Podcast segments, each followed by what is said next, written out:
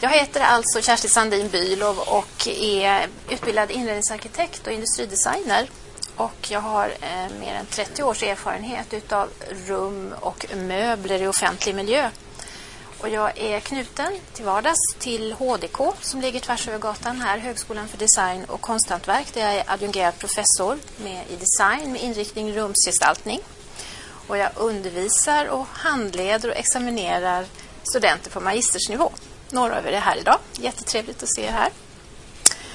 Jag kommer idag under den här eh, kvarten, akademiska kvarten på Wettergren tala om möbler och inredning på kontor och våra gemensamma mötesplatser i just de här rummen. Och många kanske tycker att det här är egentligen ett ganska personligt ämne. Det handlar egentligen, tycker många, kanske om tycke och smak. Men jag tycker ju att frågan är oerhört mycket större och vi som jobbar professionellt med de här frågorna är ju oerhört medvetna om detta. Att det här är något som påverkar människor stort. Och genom kunskap om hur eh, gestaltad miljö påverkar människor, både beteende och det psykologiska, eh, så kan man faktiskt utforma väldigt mycket bättre arbetsplatser och också därmed också få en, en större eh, tillfredsställelse i arbetet. Jag kommer att prata om det här ämnet ganska övergripande. Det är ju bara en kvart, 20 minuter. Och eh, jag kommer att prata om vilket värde man kan skapa när man planerar miljö på det här sättet. Men jag kommer också att eh, berätta lite grann hur möbler påverkar oss och hur det också påverkar arbetssituationen. Och sen har jag tagit med här en, eh, en liten stolfåtölj som jag har ritat som jag ska berätta lite grann om tankar bakom den. Ehm, det här som jag nu ska prata om väldigt övergripande det är ju mitt forskarämne och eh, är en del av den eh, doktorsavhandling som jag håller på att arbeta med. Eh, jag är alltså knuten till konstnärliga institutionen här vid Göteborgs universitet och titeln på min föreläsning, eller vad säger jag, min doktorsavhandling heter Arbetsplatsens möten, spatiala mellanrum för gränsöverskridande dialog. Och mitt forskarämne är ju egentligen väldigt tvärvetenskapligt och sträcker sig över flera andra forskningsområden. Det är som det oftast blir när man jobbar med de här arkitektur- och designämnena. Så det handlar om arkitektur, det handlar om miljöpsykologi, organisationsteori, inte minst när man jobbar med den här typen av rum som jag är intresserad av. För det är ju eh, att samla och hantera allt det som ska hända på arbetsplatsen som just de här kontoren är till för. Jag kanske ska ställa mig här uppe så att jag inte är i vägen när folk kan gå förbi. Det handlar om sociologi och etnologi såklart också. Eh, genom att använda arkitektur och den här rumsliga utformningen då, som jag pratar om så kan man använda det som ett strategiskt instrument när man le eh, leder och driver ett företag. Och Det handlar om att förstärka identiteten, alltså vilket uttryck företaget har i både mot kunder och eh, omvärld och också mot medarbetarna i verksamheten. Man kan öka trivseln, och man kan öka tillfredsställelsen att arbeta på en arbetsplats som är eh, väl organiserad och strukturerad och vackert också gestaltad. Eh, det här är ju insatser som faktiskt markant kan faktiskt eh, öka välbefinnandet hos anställda. Det finns ju undersökningar och det finns delvis forskning på det här området som belägger just detta. Eh, samtidigt som det också, som jag då nämnde tidigare, påverkar faktiskt väldigt starkt mot omvärlden hur företaget uppfattas. Det här är en metod och egentligen en ledningsfilosofi som man brukar kalla för design management. Det kanske ni har hört talas om. Och Det är egentligen inte så uppmärksammat och vanligt förekommande i näringslivet ännu. Men man börjar röra sig åt de här tankarna. Man börjar försöka se och vilja integrera just de här designfrågorna också i sin verksamhet. Och eh, det är ju då inte bara den fysiska miljön som jag pratat om utan eh, det är ju eh, även andra saker som innefattas i design management. Det handlar om eh, eh, reklamen till exempel som man har. Det handlar om hur företagsbilarna ser ut, vilken logga man har. Det är allt möjligt i stort och smått. Det kan också vara faktiskt hur man beter sig i olika sammanhang i ett företag. Att det stämmer med det uttryck och intryck som man vill eh, överföra till omvärlden. Eh, så det är allt ifrån dörrhandtagen till eh, hur man svarar i telefon och vilken typ av eh, events man kanske ordnar på sitt företag så att det stämmer eh, designmässigt och uttrycksmässigt med det som man vill att företaget ska utstråla. Eh, det finns ju vinster också. Man ska ju faktiskt prata om pengar i de här sammanhangen. För det handlar ju om någonting som vänder sig till näringslivet. Och Det finns ju vinster att uppnå genom att medarbetarna trivs på jobbet. Då vill de vara på jobbet och de jobbar bra och de jobbar koncentrerat. Och eh, man vet ju sen, det finns undersökningar på det här också hur stora personalkostnaderna är på ett företag. Och det finns amerikanska undersökningar som belägger att det är ungefär 80 procent av kostnaderna på ett företag är eh, knutna på något sätt till medarbetarna. Och när man också tittar generellt så brukar man räkna att ungefär 5% utav kostnaderna under ett år det är vad den fysiska arbetsmiljön kostar. Så att det är egentligen en ganska liten bit utav de här 80 procenten som faktiskt har det här med rum och möbler och, och sånt som skapar trivsel om man satsar på de här sakerna så kan man faktiskt långsiktigt uppnå eh, just eh, sänkta personalkostnader och eh, faktiskt också får man det här med förstärkt image också mot omvärlden. Det känns som att stå på en flygplats här och prata tycker jag. Det är skönt att ni sitter ner i alla fall. Har ni hört talas om en forskare som heter Aron Antanov, Antanov, Antanovski? Det har ni gjort, ja. Du har gjort det i alla fall.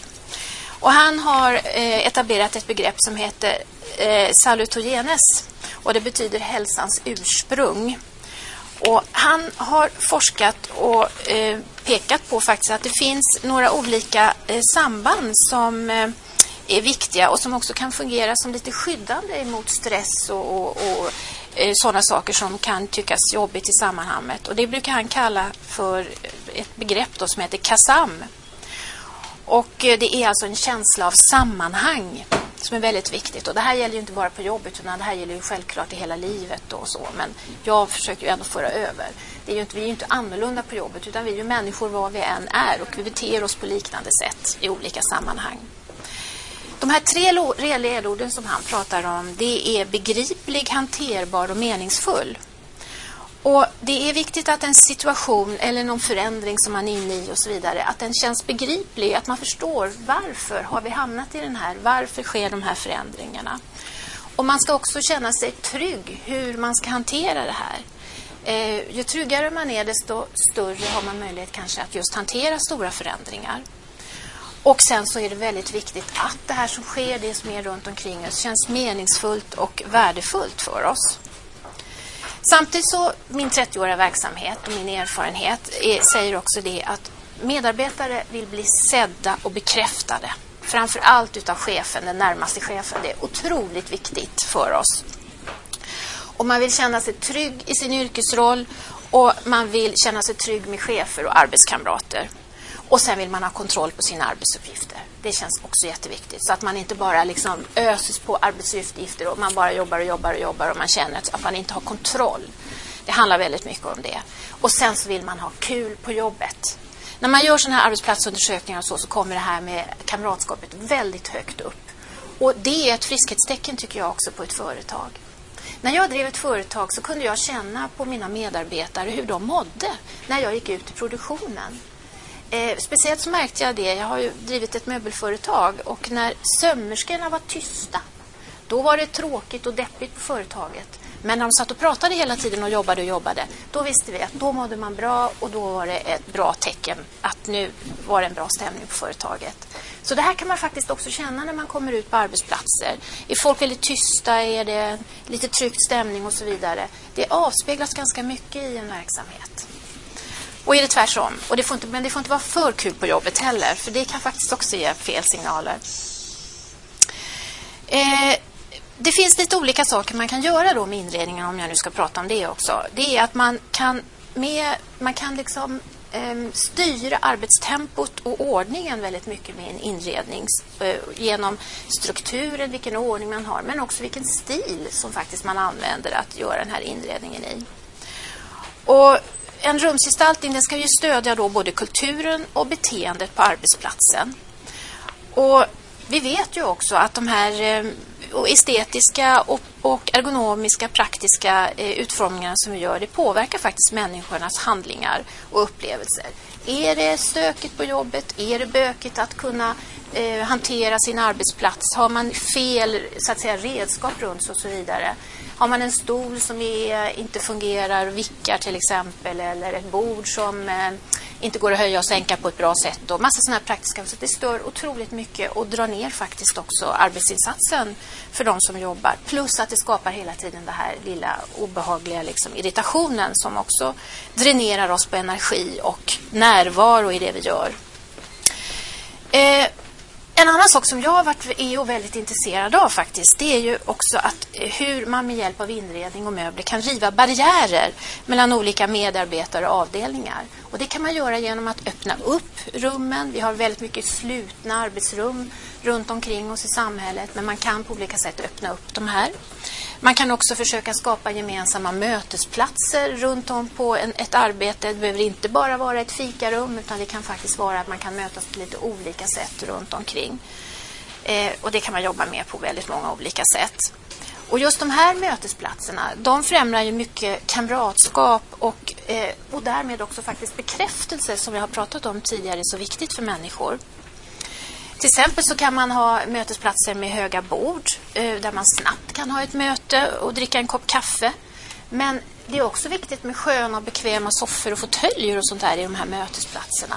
Speciellt i pausrum och sånt i, i verksamheter där man står och går och jobbar mycket. Jag kan tänka mig som här runt omkring oss. Här är ju medarbetarna är ju hela tiden igång och i rörelse. Och när de vill ta en kopp kaffe här bakom i kulisserna, då tror jag inte att de vill stå vid ett barbord och, och ta den kopp kaffe, utan de vill sjunka ner skönt och bekvämt i en fåtölj för att vila.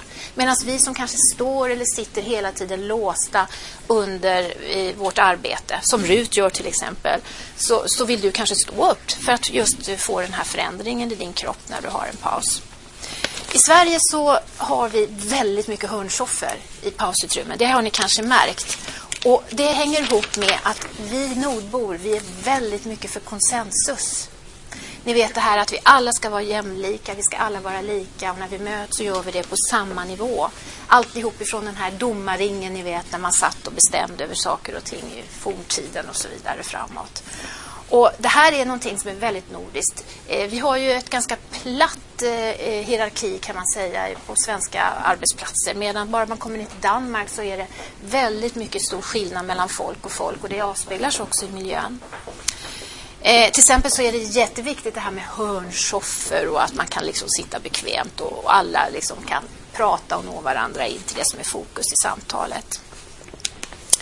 Nu är det ju så här att den personliga arbetsplatsen har ju fått väldigt mycket forskning och väldigt mycket eh, eh energi kopplat till sig. Till exempel så har vi fantastiska arbetsstolar idag som är ergonomiska, höj och sänkbara och ställbara och det kommer komma ännu mer spännande möbler på det sättet nu med teknik som utvecklas och blir oerhört mycket smidigare. Så att man kommer kunna få en stol som i princip är inprogrammerad efter ens egen kropp framöver. Ni, där är ju möbel eller bilindustrin väldigt mycket föregångare. Eh, höj och sänkbara arbetsbord till exempel är ju mer standard nu kan man säga i normala arbetsplatser. Det är väldigt vanligt och man försöker föra in det just det här att man ska kunna variera sitt arbete under de som sitter ganska låsta vid ett arbetsbord under dagen. Att man ska kunna stå en stund, man ska kunna sitta och så vidare. Och varför det här är så viktigt att byta Eh, läge så att säga under en arbetsdag. Det hänger ihop det här med kroppen och att vi mår bra, liksom, att röra på oss. Och ju mer vi rör på oss, desto mer, eh, säger ju forskarna, desto piggare och gladare blir vi. Och desto mer reparerar ju kroppen också alla organ och så vidare. Eh, men jag skulle prata lite grann om det här med möten. Och det vanligaste mötesplatsen och den vanligaste mötet är faktiskt bara fyra personer. Och många gånger så har vi väldigt mycket stora mötesrum och vi har brist på de här små, små mötesplatserna som egentligen är det som är mest nödvändigt och viktigt.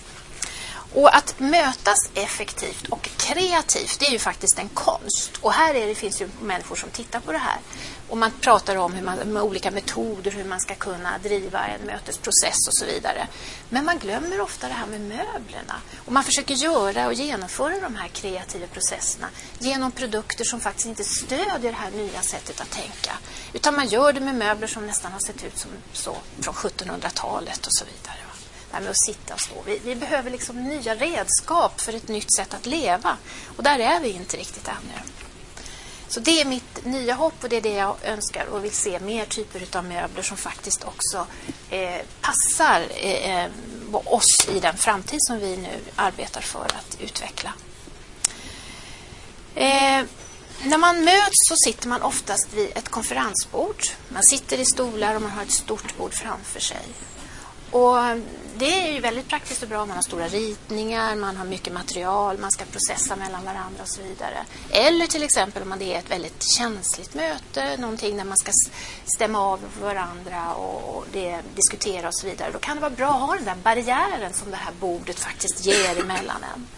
Men om man ska ha ett möte som är kreativt och där man ska diskutera och tänka och så vidare och liksom planera vad ska vi göra framöver och så vidare så är enligt min erfarenhet mycket bättre att ha sådana där man sitter mer öppet och där man kan läsa av varandra helt och hållet så som jag kan läsa av er här nu när jag tittar på er. Man ser fötter, man ser ben och så vidare. Eh, och sen så är det ju så här att när man sitter, nu sitter ni på den här klappstolen väldigt statiskt. Men hade ni suttit på den här stolen allihopa så hade ni nämligen suttit och eh, rört på er lite grann så här. Och då hade ni lyssnat mycket bättre på vad jag hade att säga. Ni hade kommit ihåg troligtvis väldigt mycket mer vad jag har sagt också. Och just det här att när man sitter, när man tänker, när man möts, när man pratar med varandra så är det skönt att just få snurra lite grann. Kanske gunga, vilket jag inte kan på den här. Men svikt och gunga är också någonting som stimulerar sinnena att ta emot information. Och just det här också att jag kan sitta och gunga, att snurra lite grann på det här sättet. Det gör också att viss stress, oro och så vidare på något sätt avleds genom kroppen när man får röra på sig. Och Det här använder man inom eh, svåra samtal och psykologiska samtal och så vidare. De psykologer som är medvetna om det här använder ofta just den här typen av möbler som man kan röra på sig i lite grann och så vidare. Och den här stolen används faktiskt också i psykologiska samtal. Den används väldigt mycket som en mötesrum men också i psykologiska samtal.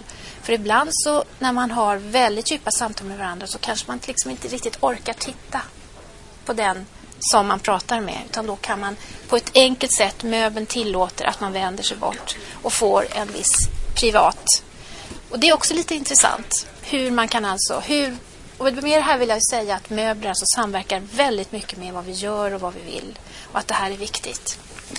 Och nu tänkte jag att jag skulle göra den sista slutklämmen här. Och jag är väldigt intresserad av det här med kvalitet. För att min uppfattning är att eh, kvalitet syns oerhört väl på en arbetsplats. Och då pratar jag om kvalitet, allt det där är nästan lite osynliga kvaliteten. Eh, det kan vara hur, hur möbler och, och, inredning är utformad i grunden. Och Många gånger så görs det idag väldigt avancerade, spännande, läckra scenografiska inredningar. Där, där har vi kommit långt. Men de är oftast ganska slarvigt gjorda. De är inte så i detalj genomarbetade. Kvalitetsnivån faktiskt på dem har också sjunkit. Och Det hänger ihop med att vi ser på vår miljö med ett mycket kortare tids tidsperspektiv idag. Saker och ting ska bytas ut snabbt, det får inte kosta så mycket. Eh, det liksom är ett mer slit och slängsamhälle. Och det här speglar sig också i de produkter som vi har i vår gemensamma miljö. Samtidigt så gör det här slit och slängbeteendet överför faktiskt också värderingar till oss som ska vistas och vara i den här miljön. Det är väldigt viktigt att vi förstår kopplingen mellan tingen och oss människor och vad det överför för olika typer av värderingar. Och min uppfattning är att ska man göra ett bra arbete så kan man inte göra det i en slarvig miljö som är stökig och smutsig och trasig och så vidare. Utan det krävs faktiskt att om man förväntar sig att folk ska arbeta och göra ett bra arbete så måste de göra det i en miljö också som stödjer just det i sitt visuella och och också i ergonomi och i, i teknik och så vidare. Och min syn på begreppet kvalitet i offentliga rum, det handlar väldigt mycket om att fokusera, det handlar om att välja och framför allt kanske att välja bort, vilket vi faktiskt är dåliga på ibland. Många miljöer skulle behöva väljas bort detaljer i för att det skulle vara enklare att vistas i dem. Vi är inte vana att tala om det här och vi är lite rädda att också tala om det för vi upplever att det handlar om privat tycke och smak. Och vi har inte ord och vi har inte heller struktur att tala om de här frågorna. Men jag som inredningsarkitekt med den erfarenhet jag har så kan jag se hur en miljö också att den berör människor och att man vill förbättra. För människan har en instinkt att försöka förbättra. Att, att, eh, är den dålig så att säga så vill man förbättra på något sätt. Och det kan man se i vissa miljöer där det har pyntats väldigt hårt. Det kan vara ett starkt tecken på alltså där det är mycket små virkade dukar och sidenblommor och ljus och, och spännande små gardiner och där folk liksom har velat dämpa kanske en ångest. Eh, Medan miljöer som är väl genomtänkta utav arkitekter och formade och verkligen anpassade efter den miljö som, eller det arbete som ska göras så kan man och i färg och form och material och estetik och så vidare så kan man se att det behovet finns inte. Då koncentrerar sig medarbetarna istället på att utveckla sina arbetsuppgifter vilket måste ju vara syftet är att man är på jobbet, inte att pynta. Det var därför jag pratade om det här med design management och det här att man börjar, måste få upp det här på ledningsnivå. Det här är inte en, en, en försörjningsfråga utan det här är faktiskt en ledningsfråga och någonting som ledningen kan använda för att utveckla sin verksamhet.